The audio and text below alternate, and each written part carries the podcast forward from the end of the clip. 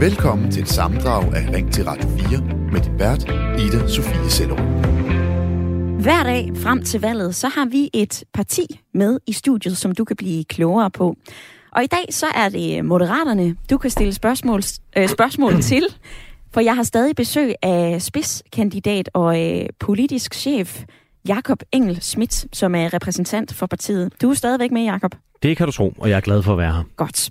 Vi tager et, øh, en lille runde med nogle hurtige spørgsmål. Du kan svare øh, ja eller nej. Du kan komme oh, med en øh, Gud, kort... det er ligesom i tv. Ja, præcis. Du kan komme med en øh, kort uddybning, men øh, hvis den er for lang, så bryder jeg altså ind. Det er modtaget. Godt. Jeg skal gøre mit bedste for at leve op til formatet. Ole Bjørn Grønvald Nielsen, han spørger dig på Facebook, er en stemme på jer en stemme på Mette Frederiksen for bordenden ja eller nej? Nej, en stemme på Moderaterne er en stemme på os. Altså al den der skræmmekampagne, og jeg er ked af at sige det, som, som er startet af andre partier, og det gælder jo både til højre og venstre for midten, den håber jeg, at folk vil se igennem, og så forholde sig til, til det, vi siger, og den substans og de mærkesager, vi, vi kommunikerer i vores politik. Men I skal vel pege på en statsminister? Ja, og vi peger på den statsminister, der ønsker at gennemføre mest af den politik, vi går til valg på. Michael Larsen, han skriver på Facebook, går Moderaterne ind for, at tjenestemandsreformen fjernes således, at vi har mulighed for reel lige løn i de historiske kvindefag? Det er vi ikke afvist over for.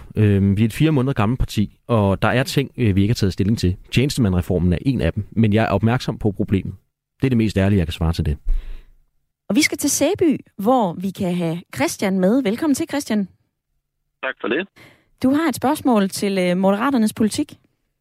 Ja, jeg kunne godt tænke mig at høre, hvad I øh, kunne tænke jer at gøre for de små erhvervsdrivende, altså enkeltmandsfirmaerne. Sådan generelt. Jeg synes ikke, der er så meget, der, der hjælper de små erhvervsdrivende. Nej, jamen øh, tak for det, Christian, og dejligt, du ringede ind. Øh, for at være helt konkret, så har vi i vores vækst- og iværksætterioplæg foreslået en række ting. Øh, på den mere avancerede del, så vil vi lovliggøre det, man kalder aktiecrowdfunding herhjemme. Når små virksomheder, der ikke er klar til at blive børsnoteret, ønsker at rejse kapital, så er der mange af dem, der, der bruger udenlandske platforme, fordi Finanstilsynet herhjemme har gjort det svært at crowdfunde, altså bruge den her moderne, moderne andelstanke til at skaffe kapital. Øh, går man over på Crowdcube i England, som er en af de store platforme, kan man se danske virksomheder hvert år, der henter penge der. Det vil vi gerne beholde herhjemme. Helt lavpraktisk ønsker vi, at øh, Erhvervs- og Selskabsstyrelsen skal oprette en T .o.r.platform, en tryghed og ro-platform. Ja. Der er rigtig mange danske selvstændige, der oplever, at de skal have otte forskellige NemID-nøgler for at komme ind og se deres post fra det offentlige. Vi vil gerne samle alle beskeder for de selvstændige et sted, sådan så man får et nemt overblik over al kommunikation fra det offentlige. Så har jeg et spørgsmål, øh, sådan et opfølgende spørgsmål. Altså iværksætteri, det handler jo ikke kun om mulighederne for at starte en virksomhed. Det handler jo også om mennesket i det, som øh, Christian fra Sæby repræsenterer. Altså hvordan vi sikrer, at det bliver nemmere at gå på barsel, blive syg eller andre ting, man øh, kan have udfordringer med, når man er iværksætter. Jamen, det er noget, jeg har arbejdet med i mange år, fordi jeg var med til at genopleve Dansk Iværksætterforening og arbejdede som chef i, i den lille forening i en række år, før jeg kom i Folketinget. Og det her med at lave en, øh, op, hvad hedder det, udbygge de, den, den barselsfond, der allerede er oprettet, det vil vi se positivt på. I forhold til dagpengereglerne, så er det straks mere kompliceret. Øhm, og jeg skal ikke bilde nogen ind her i radioen, at jeg har et svar. Til gengæld har jeg et par andre bud på, hvordan det kan være blive, blive mere attraktivt at drive virksomhed. I dag er det jo sådan så, at øhm, rigtig mange virksomheder har svært ved at hente penge, og danskerne har samtidig mere end 6.000 milliarder gemt i deres pensionsopsparinger. Vi har et forslag om at lade danskerne investere 20% af deres pensionsopsparing i enten noterede eller unoterede aktier. Det betyder, at danske virksomheder nemmere kan tiltrække kapital, og det betyder også, at, øh, at man måske øh, kan opleve et nyt væksteventyr, der er nem, nemmere at finansiere med danske penge. Ja. Jamen, nu, det første, du snakker om, det, hvis jeg skal være helt ærlig, det fatter jeg en skider. Men jeg, altså, jeg mener bare, som erhvervsdrivende, hvor du måske har en bopæl et sted, og du skal et andet sted hen, hvor du arbejder, så, er du ikke, så får du ikke noget med kørselsfradrag, og jeg betaler øh, også barselsfond og alt det der, men kunne man gøre et eller andet, sådan at hvis man har for eksempel en arbejdsplads i en kommune og arbejder et andet sted, jamen så selvom man er selvstændig også får mulighed for at få kørsel. Øh, bare som et eksempel. Mm, altså, jeg har lidt den holdning, og jeg kommer fra en familie, hvor både min far og mor er selvstændige. At når man går ud på isflagen og selv øh, driver virksomhed og selv tager risikoen, så får man jo også belønningen. Og derfor så skal der være forskel på at være selvstændig og lønmodtager. Det er min holdning. Det, er, det, er, Og jeg, jeg, jeg, betaler og der er også en del som selvstændig. det gør man, men man får også den store gevinst, hvis det går rigtig godt. Men jeg er helt med på, at der er nogle forhold, man kan se på, på, på ligestillingspotentialet i, i forhold til lønmodtagere. Men, men øh, jeg tør ikke love det her i radioen, fordi jeg skal være ærlig at sige, jeg kan simpelthen ikke overskue, hvor mange penge det eventuelt måtte koste, Michael. Så, så det, det er ikke, fordi jeg bare prøver at fejre dig af. En en af de ting, der måske kan blive mere konkret, er, at der er mange små virksomheder, der under corona har fået udskudt deres betalings, øh, betalinger af moms og A-skat osv. osv. Og vi oplever i øjeblikket, at det offentlige har haft svært ved at opgøre, hvor meget man som virksomhed skylder. Det er fuldstændig uacceptabelt. Og der er også nogle virksomheder, der presset af de nuværende forhold øhm, har svært ved at svare deres gæld. Der går vi i Moderaterne ind for at se på en mere fleksibel tilbagebetalingsmulighed. Ikke at eftergive gæld, men at sørge for at give nogle frister, der er realistiske for de små selvstændige og erhvervsdrivende. Jeg håber, at det var et øh, svar til øh, Christian, som altså ringede ind fra Sæby. Og jeg er ked af, hvis jeg kom til at kalde Christian for Michael. Det beklager jeg. Der var en øh, undskyldning og en øh, jingle til Christian og til alle jer, som øh, lytter med lige nu. Lytterpanelet, Alex og Vibeke er også stadigvæk med. Og øh, Alex, har du et spørgsmål, Ja. du gerne vil øh, høre Jakob Engel Schmidt til, så er det nu. Ja, tak. Øhm, I har talt om den her, øhm, jeg ved ikke, hvad jeg skal kalde det, I mangler, mangler bedre ord, øh, værne, værnepligt. Borgerpligt år kalder vi den. øh, Borgerpligt. Borgerpligt, tak. Øhm, er der ikke en stor ris- risiko for, at de her unge mennesker, de kommer ud et sted, hvor de ikke har lyst til at være, og de dermed er, er det, det motiveret at kun gøre arbejdspladsen dårligere, fordi det er en, en tvang, der er, der er ja, øh, på, påduttet dem. Øhm, jo, det kan man godt mene. Altså, vores forslag om borgerpligt er jo ikke sådan en konkret lovforslag, vi går ned med i Folketingssalen. Det er, det er en idé, som vi håber at gøre bedre sammen med resten af Folketingets partier. Den udfordring, vi ønsker at løse, er, at vi i dag oplever et samfund, der er rigere end nogensinde før, men hvor sammenhængskraften nærmest er boldet sammen og ikke naturlig. Hvis man er født i Vedbæk, så møder man sjældent folk fra Vordingborg eller Voldsmose eller Viborg. Dengang jeg var ung og trak nummer under 1000, kom jeg i forsvaret i 8 måneder. Jeg valgte så at blive sergeant og senere værnepligtig officer. Vi kommer til at skulle bruge flere værnepligtige i fremtiden. Motiveret af et forsvar, der har brug for flere ressourcer og hænder, men desværre også den sikkerhedssituation, vi er i. Rigtig mange unge mennesker, øhm, arbejder en del med uddannelse, efter jeg stoppede i Folketinget, er jo ikke nødvendigvis, og det var jeg heller ikke selv, klar på præcis, hvad de skal med deres tilværelse dagen efter, de stopper i gymnasiet. Nogle vælger at holde sabbatår, andre starter på en uddannelse for at vælge om. Det her med at sige, at man kan bruge to måneder, tre måneder, fire måneder eller fem måneder på at være engageret i et samfundsarbejde, hvor man sammen med andre unge bliver klogere på det velfærdssamfund, vi har, kombinere det med nogle ophold, eller det, man kender fra højskoler og andet, synes vi er en god idé. Så har jeg lige et Vi konkret ikke- jo, øh, jeg- jeg- eksempel, jeg, gerne skal bare lige gøre det færdigt, til. undskyld. Vi, vi er slet ikke i mål med formen. Det kan jo sagtens være, at vi siger, at den her borgerpligt, som vi kalder den, kan integreres i ungdomsuddannelserne, så man en eller to eller tre måneder i forbindelse med, at man får undervisning, er ude og opleve de her ting. Det er mere for at sige, at nogle gange skal der også i politik være plads til ideen, der så kan blive bedre af inputs og øh, måske endda forhandlinger på Christiansborg med andre partier. Og det er det her udtryk for. Det er måske øh, naivt at fremlægge det på den måde, men for os er det vigtigt at tage diskussionen, samtidig med at vi også præsenterer en art løsning. Jakob Engelsmidt, lad os så tage et konkret eksempel. Altså den her borgerpligt, det kunne for eksempel være, at et øh, ung menneske skulle ud og hjælpe det til på et øh, plejehjem. Mm-hmm. Hvad tænker du om, hvordan det må være for de ældre mennesker, som bor på det plejehjem, at få en måske super demotiveret ung menneske ud og skal hjælpe dem i en øh, ret kritisk situation? Og nu har vi jo altså skrevet på, på vores hjemmeside med forslaget, at man jo har mulighed for at vælge, hvor man gerne vil hen. Så altså, hvis man ikke ønsker at være ude i velfærdssamfundets institutioner, så kommer man heller ikke derhen. Hvem Altså- siger, I skal administrere det her? Jamen, øh, det, altså i dag øh, administrerer, hvad hedder det, Forsvars- og øh, hvad hedder det, Forsvarets dag. Og jeg synes jo, det er helt mærkeligt, at vi lever i 2022, og der er værende ret for kvinder, men værende pligt for mænd. Skulle vi ikke lige starte med at lave det om? Og hvis der så er der på et tidspunkt af interesse i at indføre den her borgerpligt, og det tror jeg, der vil være hen ad vejen, fordi vi får behov for at værne om vores fælles identitet, kultur, vores land, og vores nationale sikkerhed og vores velfærdsinstitutioner, jamen så finder vi da ud af det på den mest effektive måde. Altså de fleste danskere er i stand til at åbne en nem idé-boks, og hvis der man øh, dukker op til, til, til, til velfærdssamfundets dag, eller hvad hedder det, borgerdag, eller hvad vi ender med at kalde det, og husk på, det er jo bare indtil videre idépolitik, så skal vi nok finde en god måde at administrere det på. Det handler jo dybest set om, at at jeg er bekymret for, at vi ikke har samme velfærdssamfund om 50 år, når jeg ikke nødvendigvis er her mere. Og vi har taget de rigtig lange briller på, øh, sat det rigtig lange lys på og taget brillerne med, med det største forstørrelsesglas på. Det kan godt være farlige politik, og vi er jo også blevet skældt ud af både økonomer og andre folk, der mener, det er tvang og latterligt osv. osv.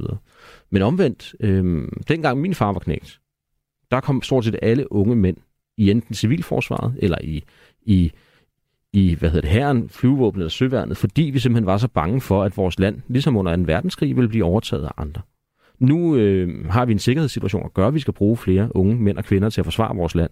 Men vi har også en situation, der gør, at vores udvikling har skabt et behov for, at vi i fællesskab øh, bakker op om de samfundsinstitutioner, som vores identitet er gjort af. Og den debat er jeg egentlig stolt af, at vi har været med til at starte. Et svar til øh, Alex. Og hvad så med et øh, spørgsmål fra Vibeke? Har du noget, du gerne vil spørge Jakob Engel Schmidt om? Ja, jeg har endda et par ting, men nu tror jeg, jeg vælger. fordi jeg har flere gange tænkt på, om man ikke kunne kræve, at institution, at de skal afsætte en større del af sin udlån til de områder, hvor de i dag nægter at give lån. Det vil være en hjælp til de steder, hvor det går lidt stille. Mm. Folk godt kunne tænke sig at bo, men de kan ikke få lov til at låne. Jeg synes, det var rimeligt, at vi andre, vi i den store pus penge, vi efterhånden, dem besidder vi jo, vi andre husejere, ikke? kan man godt sige. Det var rimeligt, at man fik lagt nogle penge ud til de stille områder. Øhm, det, er jo, det er jo et godt spørgsmål, Vibeke. Øh, jeg er faktisk ikke opdateret på, hvordan man senest har forsøgt at håndtere udfordringen. Jeg tror ikke, at man kan sige, at en privat virksomhed skal være forpligtet til at gøre noget, den ikke mener, den kan få overskud på. For det synes, synes jeg er en glidebane samfundsmæssigt. Omvendt, så øhm, synes jeg, der er et behov for, at i vores lille land, øh, at, at, at der ikke er steder, hvor man simpelthen ikke kan få lov at, at købe et hus, eller hvor, hvor, øhm, hvor kapitalgrundlaget skal være så svagt, at man ikke kan, kan låne kongens mønt til at finansiere det. Øh, men jeg kommer til at være der svar skyldig, fordi jeg har simpelthen ikke en løsning øh, liggende i den politiske godtepose, jeg bare kan hive op og servere her øh, over radiobølgerne. Øh, og det, det tror jeg faktisk, jeg er nødt til at forholde mig til ærligt, at, at, at der må vi gå tilbage i det kreative værksted. Tilbage i det øh, kreative værksted og se lidt på øh, noget af den politik. Der er også kommet nogle øh, spørgsmål ind fra blandt andet Facebook der skriver Inge, hvorfor vi kun tale om noget og ikke nogen? Fordi det devaluerer dansk politik, at vi kun taler om personer, og vi har folketingsvalg og ikke statsministervalg her i landet. Og politik er alt for vigtigt til at gøre til bare et ansigt. Et andet spørgsmål, det kommer fra øh, Brøndshøj, for jeg kan nu, nu byde velkommen til øh, Axel på 70 øh, plus, betegner han sig som. Velkommen til, Axel. Tak for det. Jamen, jeg er et par 70, og har et spørgsmål, som øh, du snakker sammenhængskraft. Og det, det tænker jeg også selv meget på. Jeg har også selv tænkt på det der med, med øh, værnepligten. Ja. ja, værnepligten som, som øh, samlingspunkt. Ikke? At, øh, men, men det korte og lange er, mit spørgsmål det går på, og så vil jeg godt have lov at fortælle en lille historie om dansk sprog. Øh, hvor mange Øh, Øh, øh, jeg, jeg aner fra den offentlige debat, at der er et, et mareridt i gang med folkeskolen. At øh, der er for mange i klasserne. Lærerne har ikke tid til at, at være øh, nærværende over for de enkelte. Og gamle specialskoleelever øh, skal inkluderes, og de får nederlag og laver ballade i klasserne, og så går halvdelen af tiden med at, at stoppe øh, et råberi. Øh, det lærer folk jo ikke noget af. Har du en idé om, hvor, hvor få, en eller anden idé om, øh, jeg har hørt et gennemsnit, jeg ved ikke, om det passer, at man kan have op til 28 elever, uden at der er nogen, der gør i den offentlige folkeskole. Øh, har du en idé om, hvor langt ned vi skal, og hvad vi skal gøre med de stakkels øh, øh, øh ADHD ramt og så videre? Ja, det kan du tro, jeg har, Axel, og tusind tak for spørgsmålet. Uddannelse ligger mig på sinde. Et af mine jobs har været at være direktør for en større ungdomsuddannelsesinstitution, efter jeg forlod politik. Øhm, sagen er, at jeg tror på, at de fleste ledere i uddannelsessystemet er blevet besat af regneark. Regneark, de skal udfylde til ministerier, til kommuner, til andre ledere, eller for at dokumentere, at de ikke begår fejl. Tag nu Niels Brock, hvor jeg arbejdede på. Jeg tror, jeg brugte halvdelen af min tid på, på diverse dokumentationsopgaver. Vi ønsker at gennemføre en strukturreform. Det er ikke sexet, og det er også derfor, det ikke fylder noget i valgkampen. Vi vil gøre alle institutioner i det offentlige til OS'er, offentlige selskaber. Der skal være en bestyrelse. Der skal også være øh, et leder, der har ledelsesansvaret, både til at forhandle løn og også til at bestemme rammerne. Lad os nu tage den lille skole, hvor jeg har gået i folkeskole. Birkerød skole, den hed Parkvejskolen før. Vi havde kun et spor i min klasse. Der var 27 eller 28 elever. Og kunne man så forestille sig, fordi den 29. kom, at vi skulle dele klassen i to, fordi det var lovgivningsbestemt? Det tror jeg ikke, fordi det kan sagtens være, at man har lærerressourcerne til at putte to lærere ind, og dermed sørge for, i de timer, hvor det giver mening at give den bedste undervisning. Jeg synes, det er vigtigt, at de enkelte lærere har ansvaret. Omvendt, så den inklusionsbølge, du nævner, er jo også centralt bestemt. Og øh, jeg har ikke den nemme løsning på den, for der er altså nogle unge mennesker her, der virkelig har brug for hjælp. Og i et forsøg på at spare penge, har man jo sørget for at inkludere, i stedet for at, at give hjælp menneske til menneske. Øhm, det kræver nok en længere snak, end det vi har tid til her i radioen, at komme ind på de forskellige nuancer, men det synes jeg er vigtigt. En af de store anker, jeg har ved det nuværende system, det er læretidsaftalen, hvor man tvinger lærere til at blive på skolen for at forberede sig. Det kommer til at give pladsproblemer og arbejdsmiljøproblemer. Det er at sætte en fast grænse på antallet af elever, for det er den enkelte skole leder bedst til at vurdere. Det handler om kvalitet i undervisningen. Og det andet er også heldagsskolen. Øhm, jeg synes, det er ærgerligt, at vores børn bliver ejet af systemet, i stedet for at de også kan have en barndom og en fritid, som de bestemmer sammen med deres far og mor. Det er i hvert fald tre pejlemærker for den måde, moderaterne vil lave skole- og uddannelsespolitik på. Et svar til øh, Axel om de her overfyldte skoleklasser. Jakob Engel Schmidt, du har også mulighed for at stille lytterpanelet et øh, spørgsmål. Hvad vil du spørge Vibeke og Axel om? Eller øh, ja, øh, Vibeke og Alex om? Og jeg håber, I vil svare ærligt. Når I sådan ser en tv-debat med 14 partiledere, synes I så, I bliver klogere af at følge med fra første minut til den 59. 20. minut? Vibeke, dig først. Øh, det er i hvert fald en, en hård en at, at gøre det. Og man kan blive lidt desillusioneret i mellemtiden, fordi samtidig tænker man, det her det er ikke politiske øh, partier, det er interesseorganisationer. Og det er derfor, jeg håber på, at der kan blive noget mere samarbejde og nogle flere kanaler, der skal spises. Mm-hmm. Tak for det, Vibeke. Og så er det Alex. Max. Alex, ja. Jeg er meget, jeg er meget enig. Øh, når der er den team, og der, og der er 14, 14 mænd og kvinder, det er, det er et spil, øh, hvor, hvor drej, drejebogen er skrevet, før øh, filmen, filmen starter. Så, så jeg er helt, helt enig. Nej, det giver intet. Det kan være meget sjovt, men det er ikke noget, jeg, jeg bliver klogere af. Nej, nej, det er desværre også øh, det, ofte, ofte min opfattelse. Det, jeg, jeg spørger jo ikke for at skyde på, på hverken tv-stationerne eller andre journalister, fordi de har jo fået en umulig opgave. Øhm, men man kunne måske arbejde med, med formaterne, øh, lave forskellige runder og trække lod med, hvem der debatterer mod hvem osv. osv. Det skal jeg heller ikke komme ind på. Øhm, men hvis jeg må stille spørgsmål til, og det, det ved jeg ikke, Ida, om, om jeg bare sådan må... Og der er en mulighed for, at Må- du lige kan stille et øh, styringen opfølgende her. spørgsmål. Hvis Du tager læ- ikke styringen, men du får lov. Nej, tak for det. Ja, det er heller ikke for, for, for at tage styringen her, her fra studiet. Hvis der nu øhm, var et emne, der var, eller jeg, jeg, jeg kan måske spørge på en anden måde. Hvilket emne er vigtigst for jer, når I går ned og stemmer, rent politisk? Alex? Det er nemt. Det er psykiatrien. Ja, det, det, det tænker jeg nok, Alex, men tak alligevel. Og Vibeke? Ja, det har det også været for os. Men øh, jeg, kan jo ikke, jeg synes jo også, det er vores skole, som, vi ikke, som jeg ikke har været inde på, men Mm. netop skolesituationen og, og rumme de børn, der har svært ved de der lidt faste forhold, der, der er blevet, altså at der ikke er så meget special undervisning, som der har været. Det synes jeg er utrolig vigtigt, fordi det er jo sådan en tærske sætning, at øh, det, er, det er vores fremtid, det er vores børn, men det er jo deres liv. Og det letter jo andre steder senere. Så det er, det er for kort, hvis vi får sparet for meget der.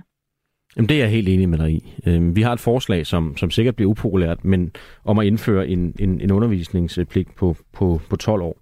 Og det er sådan set, fordi vi gerne vil have, at alle unge forlader øh, vores skolevæsen med en ungdomsuddannelse.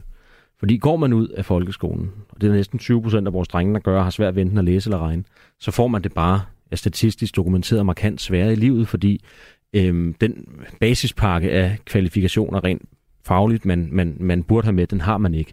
Og det kommer ind til skade senere i tilværelsen. Men Jakob Engelsmidt, tror du så, hvis du nu nævner netop øh, de unge øh, drengebørn, som sidder i skolerne, tror du, at det er to år mere, Nej. de har brug for? Jamen, altså, det er i hvert fald en del af løsningen. Altså, en del af den store løsning er jo at starte med, når man får en, en 0. klasse ind på skolen at lave sådan en, en, en, en læringsanalyse, hvor man ser på, hvad er det for en elevsammensætning, vi har, og hvordan lærer de bedst, baseret på hver enkelt dreng og pige, der er i klassen. Det gør man i nogle kommuner, og der er rigtig gode resultater forbundet ved at tilrettelægge undervisningen efter de mennesker, der sidder i klasselokalet, og ikke bare tilrettelægge undervisningen efter, hvad der står i læringsplanen. Jeg ved godt, det lyder helt revolutionerende, men det kunne man måske starte med. Så lad os springe til øh, uh, sms-indbakken, for der er der flere, som uh, spørger Lars fra Skive. Han skriver, kære Ida Sofie, kristendemokraterne foreslår, at de, som bor, kommer til at bo tæt på øh, grøn energi, skal have en form for ejerskab af vindmøllerne i deres område. Hvordan stiller moderaterne sig til det? Rigtig god dag. Øhm, tak for sms'en. Jeg har desværre ikke læst forslaget, og det er jeg nok nødt til at gøre for at kunne svare på det her, før jeg får jeg infrastruktur væk for, for milliarder. Så kan vi tage et andet spørgsmål om vedvarende energi. Det kommer fra Sebastian, som har skrevet for Odder. Hvordan vil Moderaterne sikre vedvarende CO2-neutral energiforsyning? Bemærk vedvarende. Vi vil lave koncessionsaftaler med grøn energi. Hvad betyder det? Det betyder, at øh, vi er ved at bygge verdens første energiø, men vi bliver ikke de første, der får en energiø, fordi vi er ved at overhale os i Singapore og andre lande og i Holland. Fordi vi laver sådan nogle lineære beslutningsforløb i vores administration, hvor man først skal have en godkendelse, så en anden godkendelse, så skal man finde leverandøren, og så skal man bygge. Altså sidste år blev der opsat tre vindmøller på land i Danmark, ikke? Altså det kommer til at tage 15 år, før den her energiø er færdig. Vi vil gøre ligesom dengang, man øh, hentet fossile brændstoffer ud i Nordsøen, bare med grøn energi. Vi vil tale med de dygtigste leverandører og sige, her er et havstykkeområde, vi ønsker x antal kilowatt, af sæt i værk, værsgo. Lav en aftale, der betyder, at leverandøren får x antal kroner i afregning. Når der er en upside til staten, så får vi en større afregning til fællesskab. Øhm, men jeg kan også måske break en lille nyhed. Vi forventer inden for meget få dage at præsentere et gennemarbejdet oplæg for Moderaterne om, hvordan vi ønsker at, øhm, at udbygge og øh, vedligeholde og fordele den grønne, den, den, den grønne energi i fremtiden. Mm-hmm. Du lytter til Radio 4. Så er det Alternativet, du kan stille spørgsmål til i skikkelse af politisk leder Franziska Rosenkilde. Og Franziska, du er stadigvæk med her efter nyhederne. Ja. Lad os tage tre korte spørgsmål. Du kan svare ja eller nej, eller komme med en uh, kort uddybning. Hvis den er for lang, så kan jeg altså godt finde på at bryde ind. Fint. Det første kommer fra uh, Charlie, og han spørger, er alternativet for eller imod Arne-pensionen? Jamen, vi er for den, men øh, vi ser det som en del af en lappeløsning, øh, fordi, ja, igen, man ikke har lavet et ordentligt arbejdsmarked. Og i stedet for kunne man jo bare indføre borgerløn, så vil man ikke have alle de her forskellige ydelser. Hvad siger du, det går ud på borgerløn? Jamen, det går ud på, at, øh, at man har en ydelse, sådan set, til folk, som, som ikke arbejder. Øh, I stedet for at kalde det alt muligt forskelligt og bruge en masse byråkrati på det. Øh, og det er jo en borgerløn, som folk, de, øh, de kan modtage, når de ikke er på arbejdsmarkedet. Et andet spørgsmål kommer fra Birte Sørensen, som har skrevet på øh, Facebook. Hvis I vil være så grønne, hvorfor kører I så rundt og hænger valgplakater op? Ja, godt spørgsmål. Øhm, det gør vi, fordi at øh, det er vigtigt, at vi bliver valgt til, øh, til Folketinget. Og der har plakater bare en... Øh, det har en vigtig rolle, især for et lille parti som Alternativ, der ikke altid får så meget taletid. Vi øh, vil rigtig gerne droppe valgplakater, men så er vi nødt til at gøre det alle sammen sammen, og det har vi stillet spørgsmål, eller det har vi stillet øh, som, øh, som forslag, men det har der svært ikke været opbakning til nu. Så øh, jeg er enig i, at det er ressourcer, man sagtens skulle bruge bedre, men i kampen for at komme i Folketinget, der er det desværre stadig en vigtig brik. Og så er der kommet en øh, uh, sms fra Johnny, som skriver ind fra Kalundborg.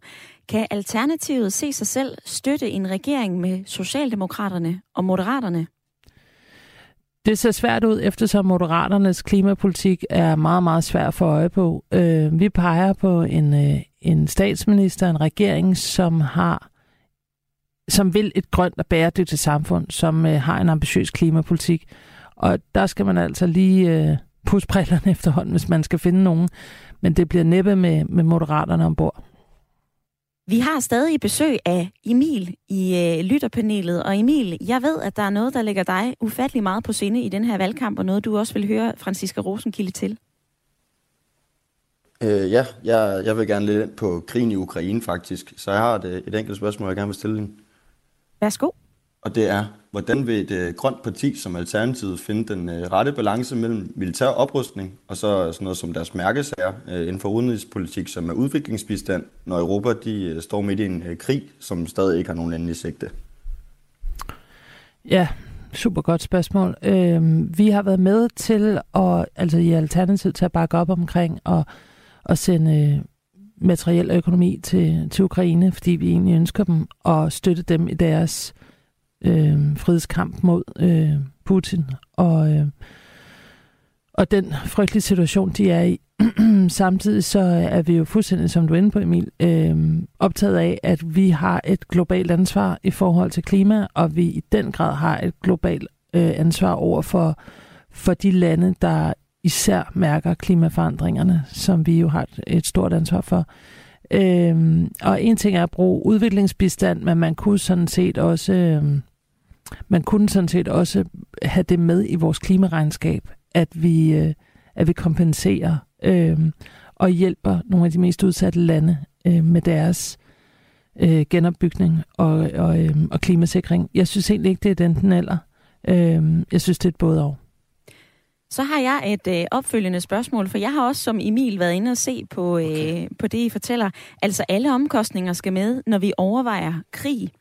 Der står på Alternativets hjemmeside, når Danmark skal overveje, om vi skal gå i krig, så skal de forventede omkostninger til genopbygning i indsatsområderne, udgifter til rehabilitering, behandling og støtte til veteraner udregnes og medtages som grundlag for beslutningen. Altså, hvordan kan man afgøre, hvornår de her omkostninger er for høje, Franziska Rosenkilde? Jamen, det, er jo, det, der er meget vigtigt for os, det er, at, øh, at der, man er lige så ambitiøs i, øh, i planerne for nedrustning og i planerne for genopbygning, som man er øh, tydeligvis, når man vil opruste. Altså, det var meget, meget hurtigt, der kom et nationalt kompromis, der vil øge øh, udgifterne til NATO op til 2% af vores BNP, som er 18 millioner fremadrettet hvert år. Øhm, 18 milliarder, håber jeg fik sagt.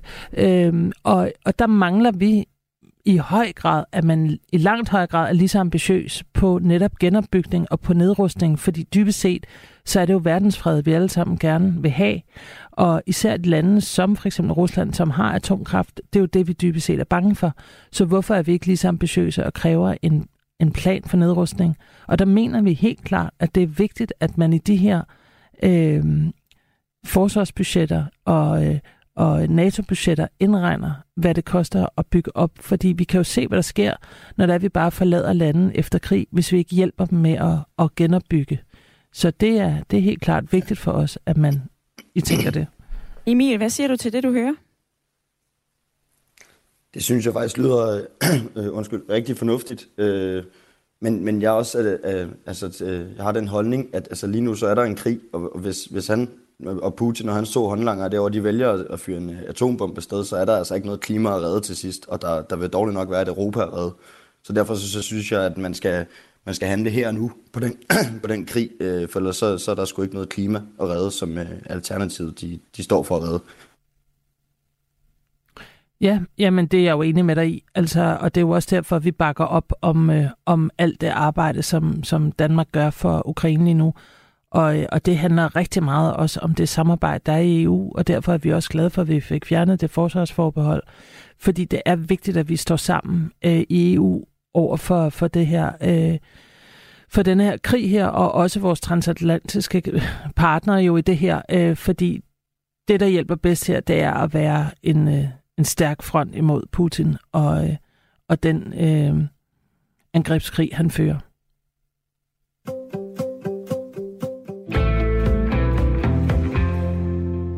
Så har vi øh, Michael med fra øh, IKAST. Velkommen til, Michael. Ja, pænt goddag. Du har også et spørgsmål til øh, Franziska Rosenkilde. Ikke omkring forsvarspolitik, som vi lige har drøftet, men om noget helt andet. Ja, det var omkring den her tjenestemandsreform, hvordan Alternativ stiller sig i forhold til den, og får udlignet til den historiske uligeløn, vi har i Danmark pt. Ja, hej Michael. Super godt spørgsmål. Meget enkelt, så ønsker vi at, at fjerne tjenestemandsreformen. Øh, vi ønsker det hele taget et opgør med det meget, meget kønnede arbejdsmarked, vi har i Danmark, hvilket jo er lidt bizart her i et moderne samfund 2022, at vi har så, øh, så kønnet et arbejdsmarked. Øhm, I det hele taget, så, øh, så synes vi i Alternativet, at man slet ikke prioriterer omsorgsarbejde i, øhm, i nok grad i forhold til, hvor vigtigt det er for vores samfund. Altså, vi har lige nu kæmpe velfærdsgrupper, der siger, at de kan ikke længere udføre deres arbejde, som de er uddannet til, inden for de systemer, vi har lavet. Arbejdsforholdene og lønnen er simpelthen for dårligt. Øhm, og derfor så synes vi, det er meget, meget vigtigt, at vi får en politisk diskussion af, hvor vigtigt samfundsarbejde, eller hvor vigtigt omsorgsarbejde er for vores samfund, og vi i langt højere grad øh, sætter løn og arbejdsforhold derefter. Øhm, og det betyder også, at vi i langt højere grad respekterer den faglighed, der ligger i, de her, i det her omsorgsarbejde, og opprioritere det. Så tjenestemandsreformen, den skal væk. Men det betyder vel også, at der er en pokkers masse penge, man skal finde til bare lige med et snuptag og fjerne tjenestemandsreformen. Altså er I villige til at prioritere, hvad jeg har kunne læse, det er flere milliarder, for at gøre op med den her tjenestemandsreform?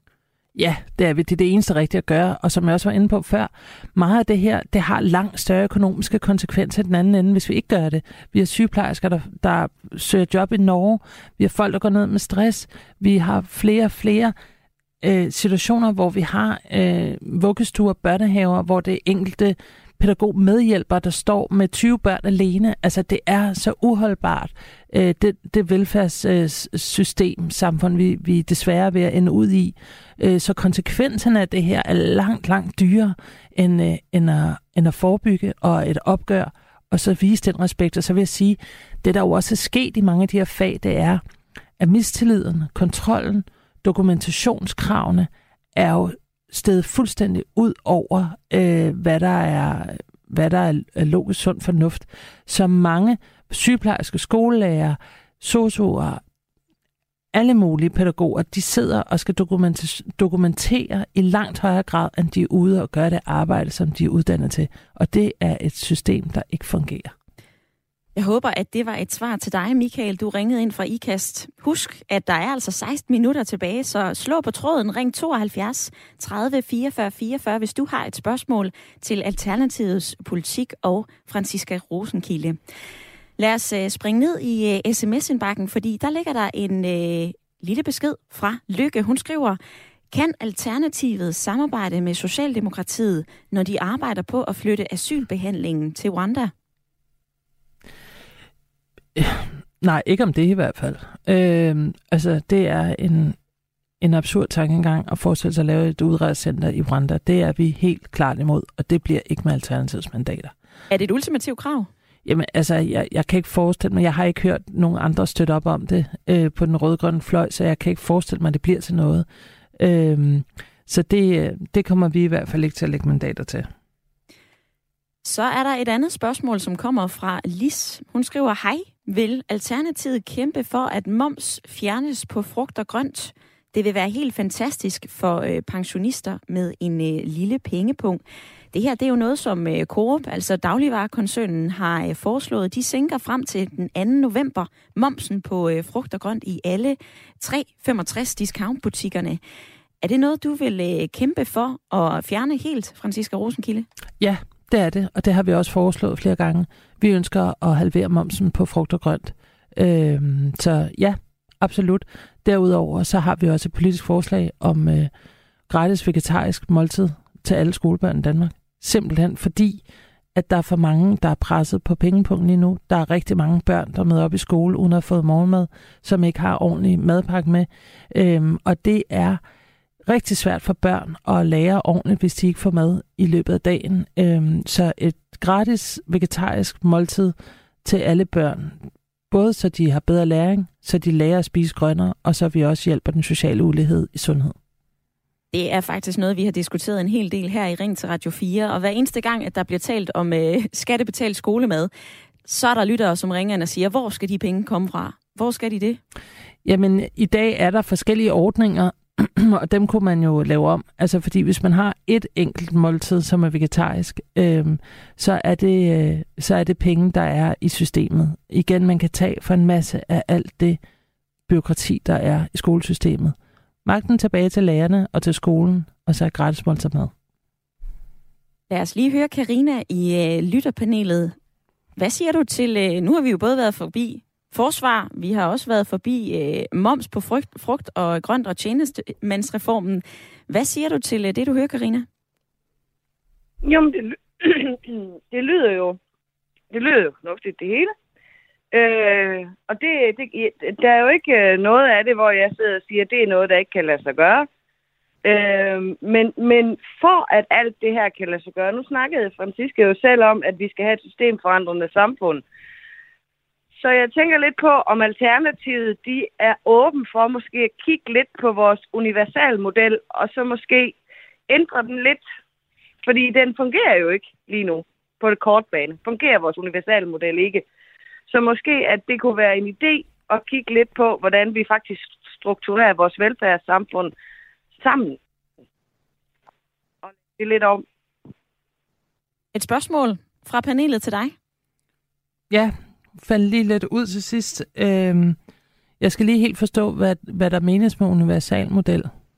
Prøv lige at uddybe det. Vores, vel, Jamen, vores velfærdssamfund ja. øh, er jo bygget på den universale velfærdsmodel. Ja, okay. Øh, og der er to andre. Der er en til Amerika, så er der en, og der også er den repræsentative, tror jeg, det er, det er Tysklands. Ja. Øh, men vores universale velfærdsmodel, den hænger jo ikke helt sammen. Lige nu, som Nej. du selv siger, vi har ingen hænder til omsorgen, øh, og meget af det er blevet privatiseret, og folk bruger det private. Så måske man skal kigge lidt på at omstrukturere den Ja, det er jeg fuldstændig enig i, øh, som jeg har været inde på nogle gange. Så øh, har det udviklet sig til en voldsom centralisering, som har gjort, at man simpelthen har taget øh, respekten og magten væk fra fagligheden, og det er et kæmpe problem. Øh, til gengæld har man øh, lagt en enorm dokumentationskrav og byråkrati ned over omsorgsarbejde, og det har altså virkelig smadret rigtig meget, øh, fordi det gør, at der ikke er den oplevede velfærd derude, fordi at vores omsorgspersoner sidder og laver alt muligt andet, end det de egentlig er uddannet til. Så vi skal lave de systemer om. Øh, for det er jo ikke fordi, at de er blevet billigere, tværtimod. Så der er altså også penge inden for selve velfærdssystemet, som kan bruges langt, langt bedre. Og så må jeg sige, det her med at omstrukturere, det handler jo også om, at vi skal omfordele ressourcerne i vores samfund. Hvorimod uligheden lige nu stiger, det vil sige, at de få, der har meget, de får meget, meget mere per år. Og det skal vi altså beskatte på en helt anden måde. Sådan så at dem, der forurener mest og tjener mest, de skal altså også betale mest.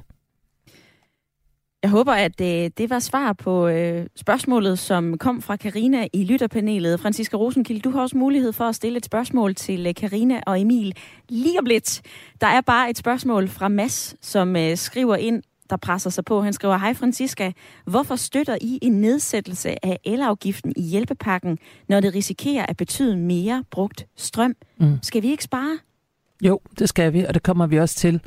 Øh, fordi at selvom at vi er med i, i den her hjælpepakke, så, øh, så kommer vi til at spare, fordi at priserne kommer til at stige alligevel. Men det er bare heller ikke godt for den grønne omstilling, at folk må gå for hus og hjem og det er jo den situation, vi er i lige nu for mange danskere.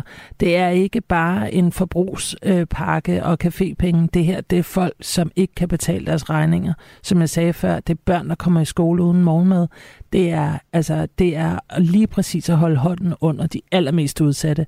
Så vi kommer til at skrue ned for forbruget, for vi skal skrue ned for forbruget. Du lytter til Radio 4. Og i dag, der er det enhedslisten, du kan stille spørgsmål til i skikkelse af partiets politiske ordfører, Maj Villassen. Og Maj Villassen, lad os tage tre korte spørgsmål. Du kan svare ja eller nej. Du kan komme med en uh, kort uddybning. Hvis den bliver lidt mere end bare kort, så bryder jeg altså ind. det er i orden. Det første spørgsmål kommer fra Begitte Skov Jensen, og hun spørger, støtter enhedslisten våbenhjælpen til Ukraine, og at Danmark er med til at træne ukrainske soldater? Ja, det gør vi. Det har vi stemt for, og jeg synes, øh, vi skal gøre det i endnu højere grad. Så skriver Dan Dal på Facebook, er det et demokratisk problem, at politikerne ikke har haft arbejde uden for politik, og ofte blot har været igennem offentlige system Danmark, for eksempel gået på RUK, KUA, og dermed kun forstår problemstillinger på et teoretisk plan, uden at have oplevet problemstillinger på egen krop eller økonomi.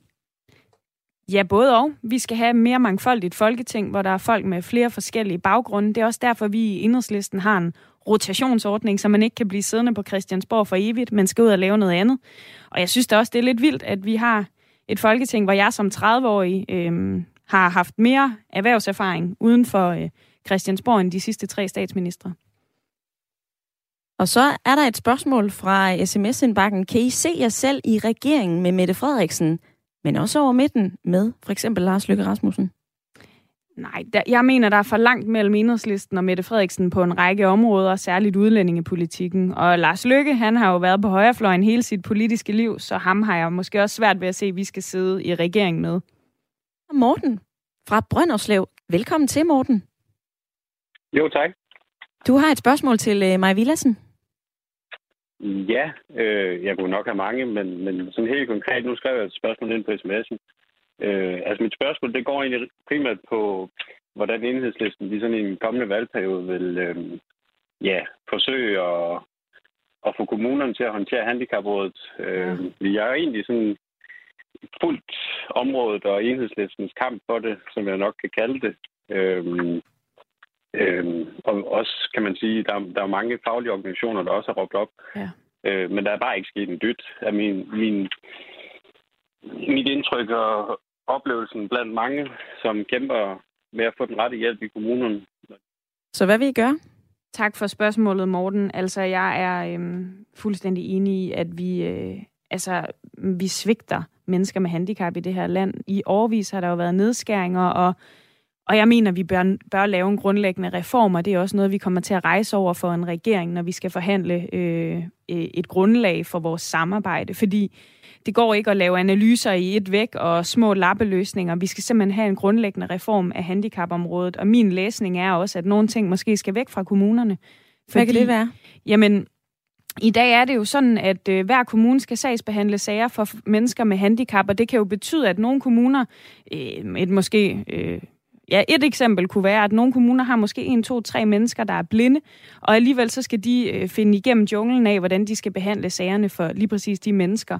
Og det går ud over retssikkerheden for folk, og nogle kommuner har jo ikke særlig mange penge, så derfor bliver tilbudene rigtig dårlige der, så det er jo sådan en nærmest et lotteri, hvis du har et barn med handicap, eller selv øh, får et, øh, alt efter hvilken kommune du bor i, så det går ikke. Så hører jeg dig sige, at den her reform inden for handicapområdet, det bliver en øh, stor centralisering?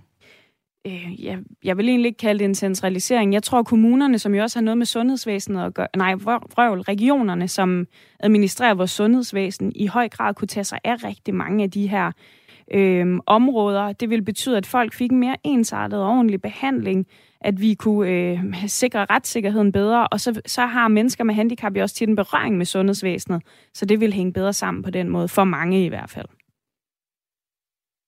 Morten, en øh, kort kommentar?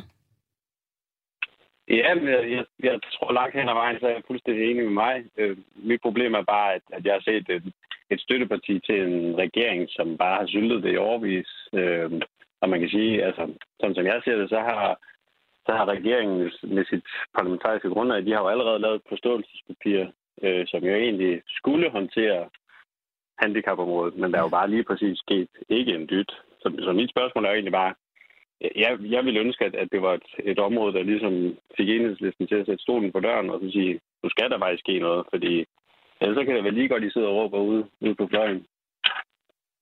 Ja, altså jeg synes, øhm, på, på, på, sin, på sin vis synes jeg, du har meget ret, og jeg tror, vi begik, jeg ved ikke, om jeg vil kalde det en fejl, men en, øh, strategisk brøler i at skrive under på et forståelsespapir, hvor der stod, at man skulle undersøge problemerne, i stedet for at forpligte dem på, at der altså skal penge til og en reform til. Og det er det, vi kommer til at kræve næste gang. Og hvis der var et quick fix, så havde jeg jo selvfølgelig øh, knipset med det samme. Øh, og derfor har vi også, altså det er jo lykkedes os at få nogle forskellige mindre resultater, men, men jeg er enig med dig, Morten, i, at øh, der skal ske meget mere, fordi det er simpelthen efterhånden uanstændigt. Så I kommer ikke i næste valgperiode, hvis vi nu siger, at det er Mette Frederiksen, som bliver statsminister, til bare at sidde derude og råbe på venstrefløjen, som øh, Morten han siger? Nej, altså det vi har fundet ud af er, at øh, hvis man vil have noget igennem, så skal man gøre det inden øh, de træder ind i ministerbilerne og kontorerne. Så derfor så bliver det her en del af de forhandlinger, vi skal have, inden de kan træde til. Apropos de der ministerbiler, går I selv efter at komme i regeringen og få ministerposter? Jamen det vil jeg da gerne, men øh, det ser, der er lange udsigter til, at vi kan danne regering med nogen, vi er øh, så enige øh, med, som, som vi bør, man bør være for at sidde i en regering. Fordi sidder man i regering sammen, så betyder det jo også, at jeg skulle langt hen ad vejen stemme for Socialdemokraternes øh, stramme udlændingepolitik, og det har jeg ikke tænkt mig at gøre. Så, øh, så det bliver nok ikke i den her øh, omgang. Der må jeg stå over på ministerbilerne. Et spørgsmål, som øh, også er på vej, det kommer fra øh, den anden halvdel af lytterpanelet.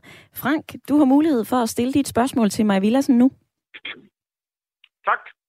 Øh, jeg vil gerne spørge, det er egentlig et kort spørgsmål selv fra mig.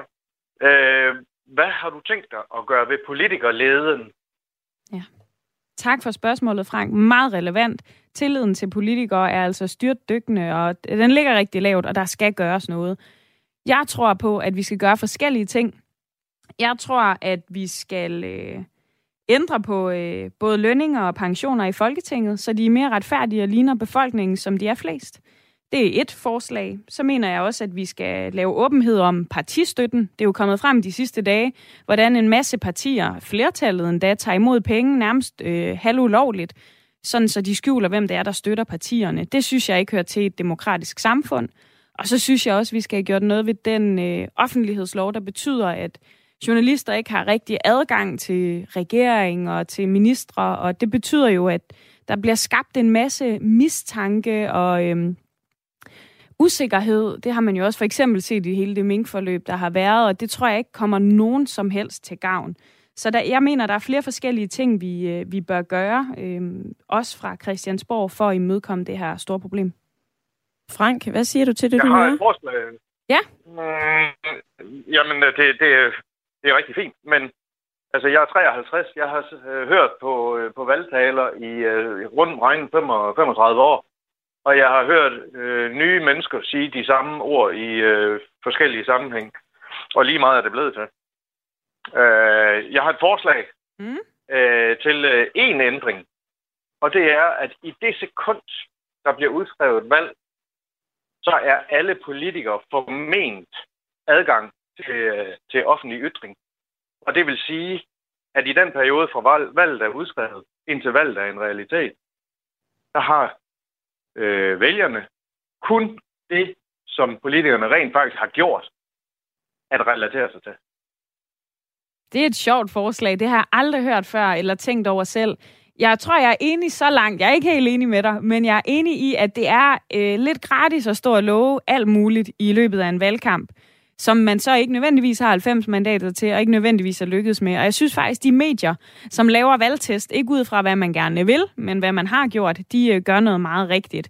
Jeg tror ikke, det er så klogt at give politikere mundkurv på, fordi der kan jo faktisk også opstå en god idé eller to i løbet af en valgkamp, og man kan blive enige om nogle ting, og nogle af de ting, vi diskuterer i valgkampe, som for eksempel Arne-pension sidst, det er der jo heldigvis opbakning til nu bredt, øh, minimumsnummeringer sidst og klimalov sidst. Det var jo fordi, vi diskuterede tingene i løbet af valgkampe. Men jeg er enig i, der bliver lovet meget, og øh, nogle ting bliver der ikke leveret på. Men hvis vi skal se på noget af det, der bliver lovet lige nu, så hørte jeg øh, nyhederne her i morges. I har stået et, øh, et par måneder gammelt forslag om, om altså gratis øh, receptpligtig medicin. I ønsker også gratis tandlæge til Mm. alle. Er det ikke nogen af de øh, ja, valgløfter eller noget, I lover, som du står og øh, venderer lidt imod lige nu? Det er ikke noget, jeg lover, fordi jeg har ikke 90 mandater, men det er noget, vi arbejder for. Og i sidste periode er det jo lykkedes os at få sikret gratis øh, medicin til folk. Nogle folk i psykiatrien, nogen i, øh, i ydelsessystemet og gratis øh, tandlæge- og psykologhjælp til unge. Så vi, vi tager små skridt hen ad vejen, men vi vil selvfølgelig gerne øh, gøre det hele til en del af vores velfærd. Vi vender tilbage til øh, blandt andet øh, medicin og tandlæge lidt senere i programmet. Først så skal vi altså til øh, Rudersdal og tale med øh, dig, Jon. Velkommen til. Ja, godmorgen mig. Godmorgen. Og, og øh, jeg har et, et, øh, et spørgsmål angående flygtninge. Ja. Øhm, jeg er ikke så meget inde i det, men, øh, men jeg ved, der er et begreb, der hedder kvoteflygtning, og jeg gætter på, at det er noget, vi har forpligtet os til via, via FN eller et eller andet, med at tage et vist antal kvoteflygtninge, altså kvote i forhold til de andre øh, i EU-lande eller sådan et eller andet. Mm. Men, øh, øh, øh, øh, men, men, øh, men synes du, at vi skal have flere flygtninge end, end, end den der, skal vi tage imod flere flygtninge, end, end vi er forpligtet til, eller skal vi holde os til det antal kvoteflygtninge? Øh, med andre ord, synes du, altså jeg synes selv, vi skal tage så mange ind som overhovedet muligt, ikke? fordi der er så mange mennesker, der flygter i verden, og det, der, der var et begreb, der hed beklem, be, det er meget svært at sige, bekvemmelighedsflygtninge i, i gamle dage. Mm. Altså folk, der flygtede uden at have grund til det. Men, øh, men, men det har vi jo fuldstændig tjek på, at, at, at dem, der prøver at komme, og der var en, for nogle år siden. De gik jeg bryder lige ind her, Jon, for øh, mig hun skal også have mulighed for at svare på det, du spørger om, altså om enhedslisten vil tage flere kvoteflygtninge, end vi er forpligtet til i FN. Ja, det vil vi kort sagt i enhedslisten. Og vi lykkedes med i under den her regeringsperiode, fordi under Inger Støjberg, der tog Danmark 0. Der løb vi simpelthen fra vores forpligtelse. Det lykkedes os nu at forpligte den nuværende regering til, at Danmark igen tager nogle kvoteflygtninge, men jeg mener, vi tager for få. Jeg mener, at vi mindst skal tage 2.000 kvoteflygtninge om året, fordi der er massiv krig og øh, usikkerhed rundt omkring i verden. Millioner af mennesker flygter, og derfor bliver et af de rigeste lande i verden, nemlig Danmark, nødt til også at bidrage mere. Hvordan vil I sikre, at Danmark kan håndtere den her potentielle øgede flygtningestrøm? Jamen, Danmark har modtaget meget få flygtninge i forhold til vores nabolande de sidste mange år, og jeg mener sagtens, vi kan håndtere og integrere øh, nogle flere flygtninge. Og i virkeligheden, så synes jeg, at en af de gode succeshistorier, vi ikke får fortalt nok, er, at det går bedre med integrationen end måske nogensinde. Der er flere udlændinge i arbejde end nogensinde før. De tager uddannelse i et væk, og kriminaliteten er faktisk også faldende, så der er plads til, at vi kan hjælpe flere mennesker. Og vi har jo selv, for at være helt ærlige, jo også været med til at øh, skabe noget af den ustabilitet, der er rundt omkring i verden. Vi har været i krig i Irak og i Afghanistan, og, og der er jo masser af flygtninge, både derfra, men også som følge af klimaforandringer, og ja, også krigen selvfølgelig i Ukraine, og jeg synes, vi skal hjælpe øh, i en meget usikker verden mere. Så kan vi også nå forbi det her modtagscenter i øh, Rwanda. Ja. Altså, øh, det har der også været en hel del debat om. Hvorfor vil I tillade Socialdemokratiet at arbejde på de her planer, når I vil vælte regeringen, hvis, det så bliver, øh, hvis der så bare bliver sendt så meget som en flygtning afsted? Vi er meget store modstandere af at oprette et modtagecenter, såkaldt modtagecenter i Rwanda. Rwanda er et diktatur, hvor flygtninge er blevet skudt, og jeg mener, det er helt forkert, at Danmark skal sende folk, der er flygtet hertil, øh, på fly til Rwanda, øh, eller for, med nogle andre transportmidler for den sags skyld. Jeg synes simpelthen, det er horribelt at lave et samarbejde øh, med det land. Jeg tror til gengæld heller ikke på overhovedet, det kommer til at lykkes. Jeg tror, for at være helt ærlig, at det er noget, regeringen har gang i for at se stramme ud på udlændingepolitikken, men at det ikke kommer til at lykkes, det kan vi jo se, at det ikke gør for øh, regeringen i Storbritannien, fordi menneskerettighedsdomstolen siger klart nej. Husk, at du stadigvæk kan stille dit spørgsmål til øh, Maja Villassen. Du kan ringe ind på 72 30 44 44 eller sende en uh, sms til 14 24. Og vi bliver lige nødt til at vende kort tilbage til uh, det her med gratis medicin. Det var mhm. jo en uh, historie, som uh, I turnerer med i dag. Jeg så også på din Instagram-profil i juli, at det var også noget, du foreslog dengang. Altså, at al receptpligtig medicin skal være gratis for børn og voksne. I vil finde 4 milliarder kroner årligt i budgettet til at finansiere det her på. Ja. Hvor skal de penge findes? Jamen, vi foreslår at ændre beskatningen af, af aktier i Danmark, sådan så det ikke skal, der ikke skal være en skatterabat på at tjene penge på aktier i forhold til at gå på arbejde. Så det øh, at ændre den beskatningsform en smule vil betyde, at vi kunne få penge ind til at finansiere det her forslag. Man kan også finansiere det på andre måder. Socialdemokratiet har jo lige foreslået at lave skattelettelser for 4 milliarder. Man kunne sagtens bruge nogle af de penge, synes jeg, i stedet på at gøre receptpligtig medicin gratis, fordi vi står simpelthen i en situation, hvor apotekerne lige nu siger, at folk går ud af apotekerne uden at købe det, de har behov for, fordi de ikke har råd. Hvor hver tiende, øh, var en opgørelse for nylig, hver tiende 3F'er køber ikke den medicin, de har behov for, fordi de ikke har råd. Det er jo helt skævt i et land som Danmark. Vi får det til at lyde som om, at øh, der ikke er noget, der hedder tilskud lige nu. Der er jo allerede et tilskud, når vi køber receptpligtig medicin. Det er det, du kan se på bunden af din bong, når du handler øh, var, altså medicin på apoteket. Det er det, der bliver registreret på din CRT-konto. Og den der model, altså jo større udgifter du har til tilskudsberettet medicin, jo mere får du altså også tilskud inden for en periode på et år. Det er også det, der hedder tilskudsperioden. Der er også andre steder, man kan søge tilskud. Vi har en social tilskudsordning. Tidligere så fik I altså også øh, trumfet igennem, at receptpligtig medicin bliver gratis for børn og, børn og alle voksne, der har været igennem kontanthjælpssystemet i et år. Hvorfor er det her så ikke nok? Altså, der er vel netop en hel del tilskud? Der er tilskud, og det er jeg rigtig glad for, og det er en af de gode grunde til at leve i Danmark, i et velfærdssamfund, hvor vi hjælper hinanden. Men vi oplever bare stadig en enorm skævhed, som betyder, at selv folk i arbejde i den her tid har svært ved at betale for medicinen. Og jeg synes, der er noget underligt i, at vi er så stolte over et gratis, øh, eller et, sam- et velfærdssamfund med gratis sundhed og... Øh, og skole og meget andet. Og så når du er indlagt på hospitalet, så er medicinen faktisk gratis, men når du kommer hjem i sygesengen, er den det ikke. Og du kan jo ikke selv gøre for, om du resten af livet skal tage blodtryksmedicin, eller ADHD-medicin, eller insulin, eller hvad ved jeg. Og derfor så synes jeg, at det her er noget, vi skal løfte i fællesskab, sådan så det ikke koster noget for folk, der bliver syge. Maja Villadsen, politisk ordfører for Enhedslisten. Tak fordi du var med i dag, og god valgkamp. Selv tak.